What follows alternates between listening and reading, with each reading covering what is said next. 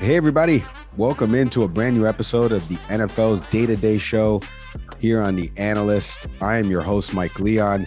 Got a big weekend in the NFL. Week 10 already. This is ridiculous. How many how many weeks are we already into this? Uh, uh, we're going to start to break down some of the matchups here coming up this Sunday and all the stats and insights that you're going to hear from us. Not only come from the good folks over at The Analyst, but also Stats Perform's amazing new tool called Pressbox Live you can head to statsperform.com today to see how NFL teams, broadcasters, communication staffs, and more are utilizing Pressbox Live to help augment their game day coverage on Sundays. I mentioned week 10 already. It's hard to believe, but I couldn't do it without my my three amigos here, right? I'm just one part of the three amigos. First, uh, he's a digital journalist over at The Analyst. You can check out all his work at theanalyst.com. Nicholas McGee. Nicholas, how are you doing, my friend? I'm doing well, Mike. Uh, excited for talk some more meaningful games as we get here down the stretch, close to the stretch run. That's right. I love the stretch run, and then then you get the Saturday games too. You get more football all over the place in places where it shouldn't be. It should always be on Sunday. But anyway, uh, and then also he, he's an AI data analyst over at Stats Perform. This guy is the guru of, of spreadsheets at Stats Perform. Knows everything. He's also a contributor over at the Analyst. Kyle Cunningham Rhodes. Kyle, good to see you, my friend. Yeah, happy to be here. Always uh, somebody whose life gets put completely on hold during football season, I have mixed emotions about it being a little over halfway. I'm uh, sad that there's not that much left, really, but also happy that I get to go back to gardening in a couple of months. that was not the response I was expecting there. Uh, that's pretty funny. Um, there's that's the thing people don't realize working in live sports, like you know, th- you're packed, and then all of a sudden you get January and February, and you're like, hey, there's no more of the sport I'm covering. So, without further ado, let's get into some of these matchups that are happening here in week 10. A huge week 10 happening, a couple of pretty good games on the Sunday slate here. We're going to break down a few of these matchups. The first one is the NFL goes to Germany, I believe, for the first time ever. Is that correct? I believe it's the first time ever in Germany. And they're going to get a pretty decent game, right? You get the Seattle Seahawks and we talked about them ad nauseum in our last episode and the resurgence of Geno Smith. Well, I don't know if it was a resurgence. I mean, he hasn't really done anything up to that point, but anyway. And they take on the ageless wonder who's starting to show his age, Tom Brady, and the Tampa Bay Buccaneers. Uh, I'll start with you first, uh, KCR, because I know we were talking about the Seahawks and how good the defense has played, how good Geno Smith has been, his completion percentage this year. I gave a stat last week about only Drew Brees has done something similar to what Geno has done on this stretch. The Buccaneers, on the other hand, last week in a matchup, uh, a, uh, a previous matchup that happened last year in the playoffs, they beat the Rams and they improved to four and five right now. They're tied with the Falcons in the divisional lead, both with losing records. Uh, what are you looking forward to in this matchup in Germany? Yeah, one of the things we did this week was we looked at uh, so we have team ratings that take sort of multi-year baselines into account. We can sort of project forward and say this player is this good, and if you move him from the team, it has this effect. Um, but one thing that we tried uh, this year was we took just what's happened so far. So if we just look at the data that has occurred in the games, how do the teams rate out? Uh, and the Seahawks were sixth, which is which is a huge number at the start of the year. You know, we we had them sort of in the bottom five, and I think that uh, when we were talking about it earlier, um, we sort of noted that there was a lot of unknowns about the Seahawks. Right, Geno Smith, huge unknown. Two starting tackles who were both rookies, huge unknowns two rookie cornerbacks, huge unknowns. Um, but really, they've kind of across the board been been huge success stories. Um, I think that the the thing that I'm kind of looking most forward to um, is really the the Tom Brady. What's how Tom Brady fares against that that Seahawks defense. Uh, the Seahawks defense, again, we talked about it a lot last week, uh, but they've even gotten more creative since. They're starting to send more creative blitzes. Uh, they're they're using guys in different ways. They're using uh, three safeties on the field a little bit more than they have been. Um, and Tariq Woolen uh, against Mike Evans is really going to be the the sort of matchup that I'm looking at. I'm not sure how many direct matchups they're going to get. They kind of keep Tariq Woolen on one side of the field. I don't know if they're going to sort of put Evans across from him. Um, this year he's uh, he's got a, a, an open allowed rate of, of about 26%, and that puts him in the top 15 cornerbacks um, across the entire NFL. Um, man coverage 26%, zone coverage 25%. Really can can kind of play both, uh, and is he's sort of shown his ball skills this year with some with some pretty uh, impressive interceptions. Uh, I'm, I'm really looking forward to seeing how the the Bucks passing attack, because we know they don't really have a rushing attack, uh, gets going against the Seahawks defense. Nicholas, I'll turn to you now. Um, obviously, this game's happening on your uh, hemisphere of the world here. Um, so, what are you looking forward to in this matchup with the Seahawks and the Bucks? Yeah, similarly to what KCR said there, it's again it's the Seahawks defense, Bucks offense, kind of a different look at it. Um, the final drive last week between the Bucks and the Rams, you saw the Rams sat back. They played ultra, ultra soft zone coverage. Zone coverage. Excuse me. Don't know what softer than soft is, but that's how it describes what the Rams played on that final drive. Is let, let Tom Brady do what he wanted effectively. They bet on Aaron Donald, who was phenomenal in that game. Um, probably gets lost in the shuffle. The Rams losing it. They bet on him to wreck the game and get and before Brady get the ball out. Brady got the ball out quicker. He won that battle. It was Brady versus Donald. Brady won. Seahawks, he won't play that soft early on. Of course, he won't. But the cover six team, quarter, quarter half.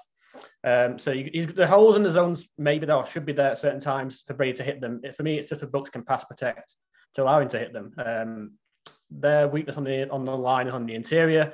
Uh, Luke Goedeke's pass block win rate is a 48%. That's what it's bottom half of the league. Center Robert Hainsey, 65%. That's not great. But the strength of the Seahawks rush is on the edge with Uchenna Nwosu. Um, tough one to say. Um, they don't really have great interior pass rushers. So it's as Kyle alluded to, um, with kind of the the twists and the stunts and the blitzes up front, how creative they can get, can they create that interior rush that can prevent Brady from getting in a rhythm and getting those quick throws against his own coverage? Yeah, and everybody knows if you get to Brady, you can pretty much get to the entire attack. All you got to do is turn on the any Saints game when they played the Buccaneers. Um, before we get into prediction, let me give you a quick stat and insight presented by Pressbox Live. This is a really good one. The Buccaneers are 0 3 in games played outside of the United States. All three of those games obviously were in London. They've been outscored 96 to 51 in those games. If you're wondering, what about the Seahawks? The Seahawks, meanwhile, are 2 0 outside the U.S., outscoring their opponents 77 to 20. And I should know because one of those games was against the Raiders. Um, let's go to prediction from both of you. Nicholas, I'll start with you. Prediction Seahawks, Bucks. Do the Seahawks keep rolling here and expand their lead in the NFC West? This is a really tough one. Um, I'm not sure what I'm basing this on, but I think I'm gonna I'm gonna stick with the Brady momentum that we went for last week and say that the, the Bucks found a way to pull this out in a really close game. Give me 24-21. KCR, what about you? Yeah, this is kind of like the ultimate vibes game. The the Seahawks are are just vibing on all cylinders. They're just a, sort of a feel good situation. They all look like they're having fun. And granted, the Bucks did come back and win. Maybe that sort of flips the script for them. Um, from a pure data perspective, we do have the Bucks winning. Uh, I've got them twenty six to twenty. You know, I'm with you guys. I think the Buccaneers uh, will pull this game out. Uh, give me the Bucks in Germany. Father, the ageless one, uh, gets the victory there in Germany. Um, let's move to our, our, next game because this game is probably the game of the day. Somehow it's not in the Sunday night window. If it was in the prime time, excuse me, window, if there was a flex schedule right now, it'd probably get flexed in the prime time. But the Minnesota Vikings, who are rocking and rolling, take on the Buffalo Bills. Nicholas, I'll start with you. What are you looking forward to in this matchup with the Vikings and the Bills? Uh, yeah, I'll go back to referencing the um, the piece the, that Carl referred to with the metric about plugging what we, what team has done so far into our team ratings, and it would it suggests that the Vikings should have under four wins. Um, that's probably a f- reflective of the fact that six of their wins have only been by, by have been by one score. Excuse me, um, only for say for a blowout win against the Packers, uh, a team that looks pretty buried. Um, so it's an impressive record, but if you look at the offense in particular, it's been quite inconsistent. The Vikings are only 17th in our efficiency versus expected metrics. Um, there's a running game when it gets going with Dalvin Cook. It's great, it always does, but the consistency just hasn't been there despite that extremely impressive record. And by that same EVE metric, the Bills have the third meanest defense in the NFL. So this is probably, for, for my money, the first true test of Kevin O'Connell's offense. How does it fare against a defense that talent-wise and has been playing like one of the best in the NFL? That's what I'm looking for in this one. You know, you just mentioned that you feed into the follow up perfectly because of Stat and Insight presented by Pressbox Live.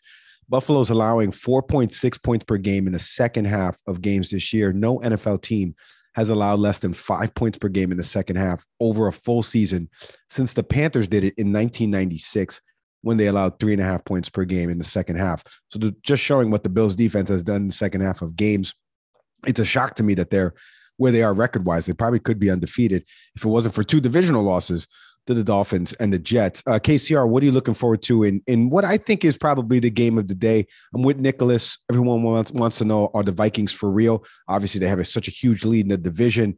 Uh, can they get to the you know the aspirational heights that they want to reach? a few years ago. If you remember, they played that huge game against the Saints. They got so far in the NFC conference. Could this team represent the NFC in the Super Bowl? We can talk about the Philadelphia Eagles and, and their undefeated record. But what are you looking forward to in this Vikings Bills matchup? Yeah, the Vikings have been real strange this year because they their roster is, is littered with good players, right? I mean, they they even added some more at the at the deadline in, in Hockenson, who who was almost a focal point of their offense, and after just five days after trading for him, um, I think the the the defensive line is is really coming on strong. They they sort of dominated Washington last uh, last week, um, specifically the two edge rushers, Danielle Hunter uh, and Za'Darius Smith. Uh, they're both winning over 45% of their one-on-ones. Um, the really the big question for this game, which we don't have an answer to, is is the health of Josh Allen and, and how he's going to be able to, whether or not that injury is going to prevent him from being able to push the ball down the field.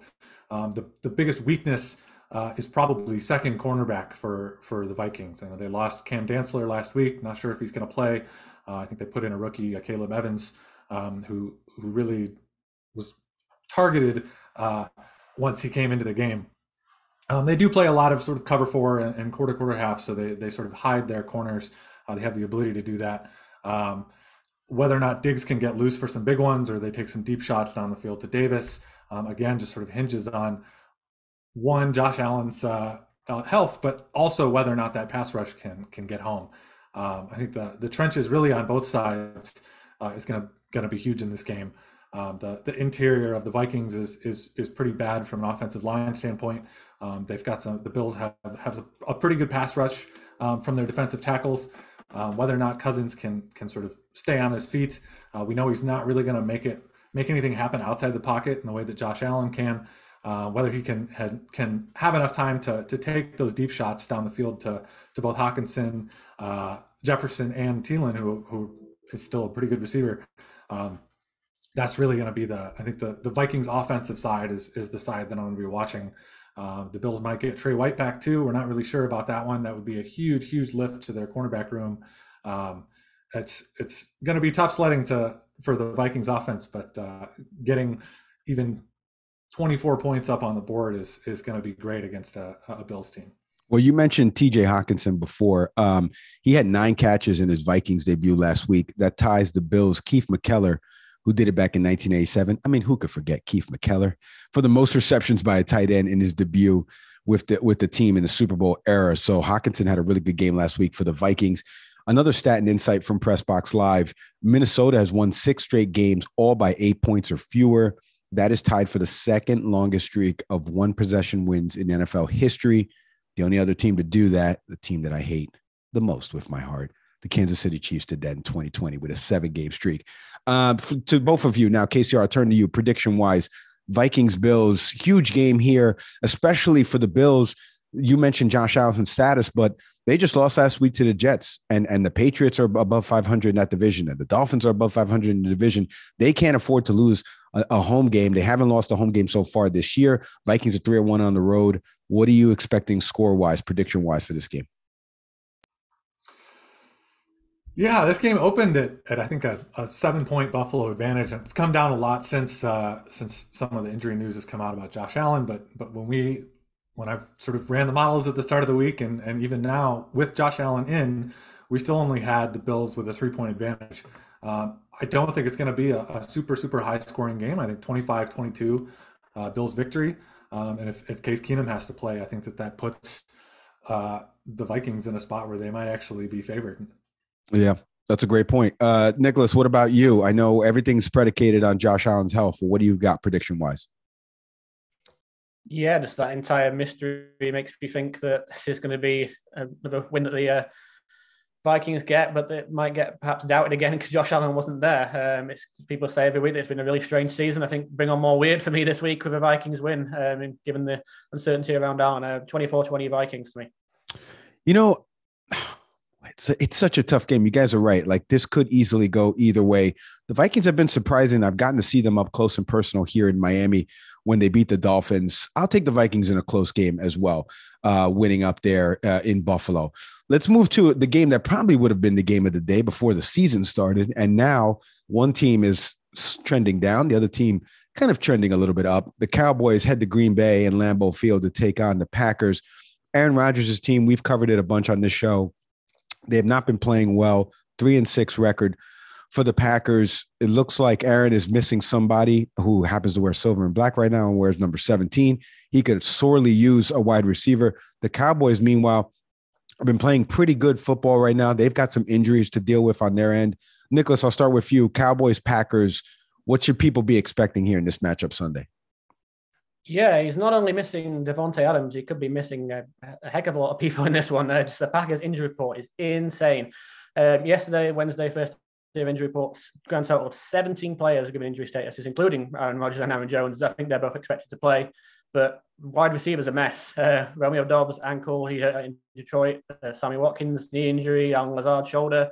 Up front, Bakhtiari, that mystery continues. I'm not sure if he's going to play. Elgton Jenkins got knee injury. Jon Runyan, the starting right guard's got a knee injury. He was limited in practice, and this is an offense that isn't performing well anyway. Um, they did move the ball against Detroit, um, then gave it away in the red zone with some poor throws by Aaron Rodgers, but they're only 19th in the metric I referenced earlier, the efficiency versus expected in pass offense anyway. Um, and they're going against a Dallas offense that looked to be finding its stride the last time they were, we saw them. I think it was the Bears last time out. That, that Dallas offense with that pass really, really good. Um, and just on the Dallas side of things, um, do they see sense and give Tony Pollard more carries than Zeke Elliott? Because uh, Tony Pollard was ridiculous in that game, and he's averaging 3.46 yards before contact. Elliott's only 2.29. Um, and Pollard, uh, Zeke's averaging under two yards after contact as well, and Pollard's well above that, one of the best in the league. So I think it's time to see sense in Dallas there. But I think regardless of what they do in that situation, it should be a situation where they can win quite comfortably on Mike McCarthy's return to Lambeau. Yeah, I agree with you on that. Let me give you a stat and insight on Tony Pollard here, presented by Pressbox Live. Pollard, you were talking about, he rushed for 131 yards against the Bears. He was getting 9.4 yards per carry.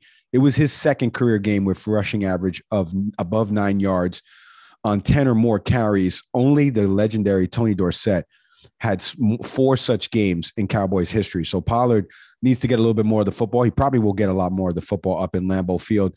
KCR, what about you? I mean, this has been uh, an anomaly of a season under Rodgers here in Green Bay. The injury report that Nicholas just alluded to 15 to 16 players listed on there, a bunch at critical positions on the defensive and offensive side of the ball. What are you expecting in Sunday's matchup between the boys and the Packers? Just a slogfest, I think, is really the what it's going to be. And I think that uh, Nicholas really he brought up a great point with with Aaron Jones, especially if, if they're missing Aaron Jones, who was he was in a walking boot at the end of the last game. I think that got a lot of good news on his injury uh, throughout the week. But whether or not he plays, uh, I think is a is is is huge. He's he adds uh, with each rush that he has, uh, he adds an extra 3.75 yards. Um, he's he's uh, defenders are only successful 71% of the time against him when they're when they're trying to tackle him. He can really get a bunch of extra yards, and he's that sort of explosive playmaker that they just do not have right now. Um, in the rest of the team. Um, one of the things that we do is we take we have a, a sort of quarterback agnostic offensive rating and a defensive rating, and we can sort of compare the two with the with the matchup. Uh, and this week, the Packers have the second worst matchup uh, across the entire league. Worse, uh, the only one worse is the the Cardinals against the Rams. Um, that the skill position players that they have, the the offensive line that they've been uh, just sort of shuffling through guys as injuries have been happening. They've they're really you know Rodgers has not had the supporting cast that he's had in years past. Um, that doesn't excuse some of the things that that he's done. Um, that that pick that he threw last week uh, to with the intended pass to Bakhtiari, where he just sort of lofted it in the air, and uh, Aidan Hutchinson came down with it. Uh, I have no, I really just haven't seen him do that uh, throughout his entire career. Um, and even the, the other pick that got tipped at the line of scrimmage, I mean, it was tipped because he threw it directly into a defender's face mask. It wasn't a defender really making a play. It was just him hucking a ball directly at a guy. Um, it's it's just been kind of a mess for them.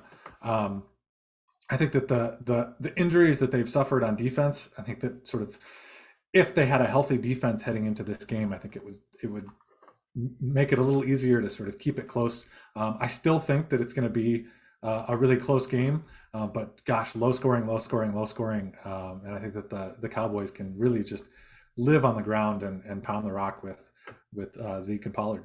Yeah, I think the Cowboys will lean on them and eventually get them to tap out. If you get that MMA reference, uh, let me give you another stat and insight uh, presented by Pressbox Live. Packers have lost five straight games. We've talked about the losing streak. We've talked about how flustered Rodgers has looked, how the team has looked overall. They've been averaging 15.8 points per game during this losing streak. It's the first time that the Packers have lost five games in a row while averaging fewer than 16 points per game since the 1990 season. Back then, that was week 13 through 17, where they averaged that same amount of points and lost five straight games. Uh, with that said, KCR prediction uh, do the Cowboys pull out a close victory, or are the Packers going to right the ship here and improve their record? Uh, we do have we do have the Cowboys favorite. I think it would be uh, if this was in Dallas, it would be a significantly different projection. The the Packers, uh, or I should say, Lambeau Field has has our third um, highest home field advantage across the league. Um, the fact that it's there is is really going to help the Packers. It's just such a hard place to play. Um, we do have uh, we do have the Cowboys coming out victorious, twenty two to twenty. Nicholas, what about you, prediction wise? Yeah, I'm. Um, excuse me. I'm glad uh, KCR referenced that Bakhtiari uh, interception, one of the funniest plays of the year. Um, quite emblematic of the uh, Packers season, and I don't see it getting any better here. I think it'll be close for a bit. I think the Cowboys will pull away. Um, give me 24-14 to Dallas. Yeah, I like the I like the Cowboys too. Paul. I almost said the Packers. Uh, I do like the Packers uh, two years ago, um, but it's this time around, and I like the Cowboys uh, in this matchup. Um, so we're on the boys. Let's move to our final matchup. Another good, pretty game. Another pretty good game on the slate. This is the actual Sunday night uh, game here on the East Coast time. I know it's going to be early morning for Nicholas, but he will be wide awake as his 49ers welcome in the LA Chargers probably another game that before the season you had circled on your calendar. So far, these teams, a couple of mixed bag of results. Nicholas is going to get into the Niners mixed bag in a second. The Chargers winning their game last week against the Falcons in what you want to you want to laugh about funny plays. That Falcon fumble and then and then the recovery by the Chargers could be the funniest play I've ever seen in NFL history. The Chargers are five and three. They're sitting there game back of the Chiefs. The Niners are four and four in the division. We just mentioned about how the Seahawks have played in the division in the first game against the Buccaneers. Nicholas, I'll start with you because you've probably done the most research on what your Niners need to do to win here. But take the audience into Chargers and Niners happening Sunday night. Uh, yeah, you nailed me there. This is the one with my longest notes on my uh, notepad here. Uh, but, and it's the one I'll be up until 4 5 a.m. watching. Um, easy one for me. Uh, thing I'm most excited by is how does this Niner offense look with both Christian McCaffrey and Deebo Samuel on the field at the same time? Um, McCaffrey, incredible in his second game against the Rams, his first full game after his cameo against the Chiefs. We all know he threw for a touchdown, ran for one, caught one. That's uh, Walter Payton, LaDainian Tomlinson territory. Showed explosiveness, burst, elusiveness in the run game. also gave Jimmy Garoppolo a critical outlet in the passing game. Garoppolo, Garoppolo was so much more composed and willing to go through his progressions, get to his check down because he had the faith that McCaffrey would make a man miss and pick up yards after the catch, and he consistently did it. Uh, in that game, you saw the Niners, even without Deebo, line up in what they call pony personnel, which is two true running backs on the field. They did that a lot with Jeff Wilson, who was traded to the Dolphins last week. Now you can do it with Deebo. Obviously, isn't a traditional running back, but he's a self-titled wide back. Um, and they're also getting Elijah Mitchell back from injury. He's been out since week one uh, with a knee injury, so you can plug him in there too. And it's just the stress of having two bona fide running and receiving threats in McCaffrey and Samuel in the backfield. The incredible stress that puts on defenses with somebody like Kyle Shanahan calling plays um, is going to be really intriguing to watch. And it, it couldn't be could hardly be a more ideal opponent in terms of where the Chargers struggle as well. The Chargers give up 5.7 yards per play on the ground, which is the worst in the NFL. So the stars look to be aligning for the Niners in this game, but they've got to find the consistency that was kind of lacking in the first half of the season for them. You mentioned the McCaffrey that he threw uh, and rushed and caught a touchdown in that win against the Rams before the the uh, Niners had their bye. He's the first player to do so since Chargers LaDainian Tomlinson did that back in Week Six of the 2005 season. So with that, KCR, uh, what are some of your keys to Sunday's matchup here between the Chargers and the Niners? Oh, this game. Um, I think the it just it might look ugly for the for the Chargers and it, the some of the some of the data about specifically their run defense. We've talked about it in, on on uh, previous episodes of this. Uh, they're really just not doing it from from either a defensive line or a tackling standpoint. I mean, they're uh, they're they're sort of pre yards per carry, which is which is uh, how many yards opponent running backs get or opponent ball carriers get before they first interact with the defender. So rather than just looking at yards after contact, um, as soon as they, you know, if, you, if you miss a tackle, the guy doesn't touch you, that's still counted as wherever that guy first interacted with the ball carrier. Uh, bottom half of the league in that. Once that interaction actually happens, second worst, 4.1 uh, yards uh, allowed until the, the play is complete. Uh, only the Texans is worse than that. Um, with guys, with, with two players like Deebo and McCaffrey, who, who are really good at making defenders miss, um, uh, the Niners might really just just live on the ground in this game. Uh, the you know J.C. Jackson uh, in the defensive backfield for the Chargers has been has been not good, and now he's hurt. Uh, but that pass defense is still pretty good, um, and I think that living on the ground is is is really how they're going to uh, control this game. Um, on the other side of the ball, it's really the the the injuries that the Chargers have had at the tackle position this year are, are really terrible. They, they lost all pro right or left tackle Rashawn Slater earlier in the year. Um, Jamaree Salyer has been pretty good as a replacement, but he's not an all pro left tackle. Um, they've been shuffling through different right tackles. It looks like uh, Trey Pipkins is probably going to miss. Um, that's that means uh, normally it would mean Storm Norton time, which is which is not good. Uh, but uh, it sounds like a undrafted practice squad player uh, might get the nod in front of him. Um, watching him go up against Nick Bosa in this game is going to be just uh, it's not going to be a good sight from the if you're a Chargers fan. Um, I think the the last little bit that I want to look at is is what the Chargers passing game looks like. The, their running game just doesn't exist. They don't really have a ball carrier who's who's sort of a between the tackles guy who can uh, who can tote the ball a bunch. Uh, but Ekeler is a really really good weapon in the passing game. He's he's one of the most highest used running backs uh, in in the passing game uh, across any team. Um, but the thing that the Niners do really really well on defense is they suppress running back targets. Uh, their their linebackers are fantastic. Their safeties drive hard down the field. Um, that matchup of, of if they take Ekeler out of the game from a pass catching standpoint, who do they rely on down the field? Josh Palmer with the guy last week. Uh, DeAndre Carter in the slot was used a little bit, but he is just kind of not in the right spot sometimes. Um, the the the answers to the clock control that the Niners are going to have, the the Chargers are really going to need to put together some explosive plays, and that's a really really tough thing to do when you can't pass protect and when the defense can take away your best weapons. Well, before you both make a prediction on this, let me give you a stat and insight that Chargers fans maybe it'll help you here because Justin Herbert wasn't sacked in that game against the Falcons, and LA has allowed the fewest sacks in the league this season. But if you're wondering, they haven't allowed 10 or fewer sacks through eight games since 2008. So that was the year when they also had the fewest sacks in the league up until this point. So if you're a Charger fan out there, maybe if you keep Herbert upright, he can deliver a victory for you guys. And here's another stat insight about the Chargers and Niners uh, history. Chargers are looking to win their sixth straight game in this series. It would make the first time that they've done this to a team since the Seahawks when they beat the Seahawks nine straight from 2014 to 2018. So, Nicholas, you heard that. Chargers have the Niners number, apparently, according to stats and insights from Pressbox Live. KCR prediction uh, score wise here in the Sunday night matchup to end week to well, not until the Monday night game, but the, the Sunday night game for, for week 10. What do you got, Chargers Niners? I've got the Niners pulling it out. I got 25 18 Niners. Nicholas, what about you? Uh, we probably already know what you're going to pick, but what are you going to pick? Give us, uh, surprise us here. Uh, I don't think I'll surprise you. The only thing that gives me pause uh, is how terrifying Justin Herbert looks when he's throwing the ball. Sometimes um, the Chargers' offense doesn't impress me about its design. It's not, not particularly special in that way, but he is special. It looks like he's still playing at Oregon sometimes with how it's drawn up, but he can just make some incredible throws, and that's the one thing that gives me pause how terrifying he can be. Having said all that, I think the Niners have got too much of an edge here. I've got it 27 17 San Francisco. You know, I know well hand, uh, firsthand, excuse me, how Herbert can extend drives and get fourth down completions of over 15 yards or more four consecutive times. If you watched that game last year between the Raiders and the Chargers, one more stat before I make my prediction Herbert has accounted for 90 touchdowns in his 40 career starts.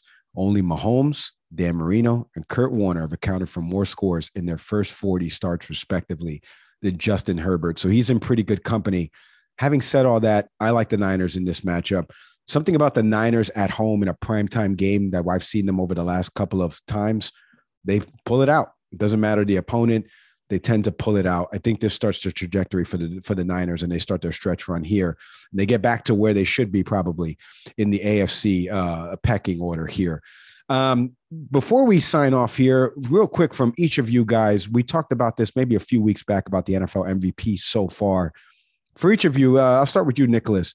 Who's somebody that you're still thinking of in this MVP race? It's been pretty wide open now. We just mentioned about Allen's injury. The Bills obviously are only six and two. The Vikings have had a really good resurgence. The Eagles are eight and zero, oh, and everyone's now talking about Jalen Hurts. Who's somebody on your radar for NFL MVP so far? Yeah, I've had Josh Allen all this way. I've been in Josh Allen every week, but then until we've seen in the last couple of games, even with the injury, quite careless with the ball in the last two getting pretty two underwhelming games against the, the Packers. That kind of flew under the radar because he won so handily that he was pretty below average in that game. And then against the Jets last week as well, he was pretty careless with the ball again.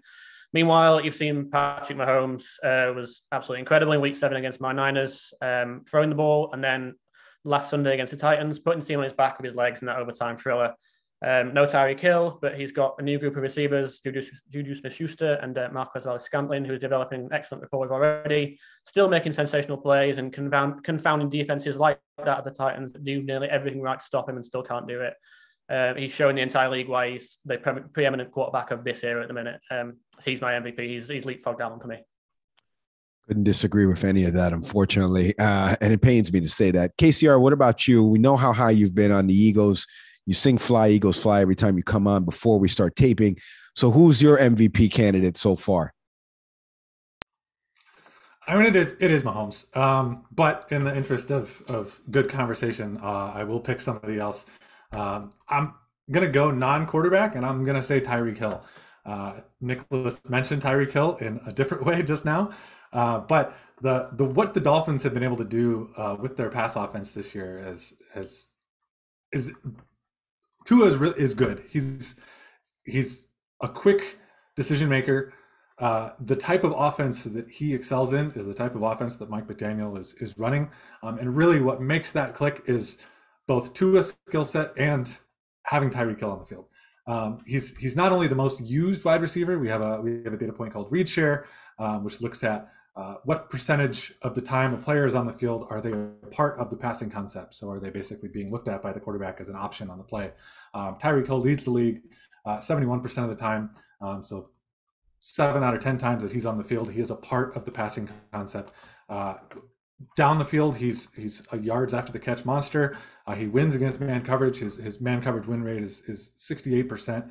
Uh, that's among the top in the league. Uh, his zone coverage win rate is is 44%. That's also among the top in the league. Um, he's just been really the catalyst for what that offense has been able to do. Um, the quick decision making from Tua, um, and then the the ability to just throw to the wide open receivers who are open because they are really good and really fast. Um, it's it's interesting to watch that game, uh, specifically the game last week against the Bears.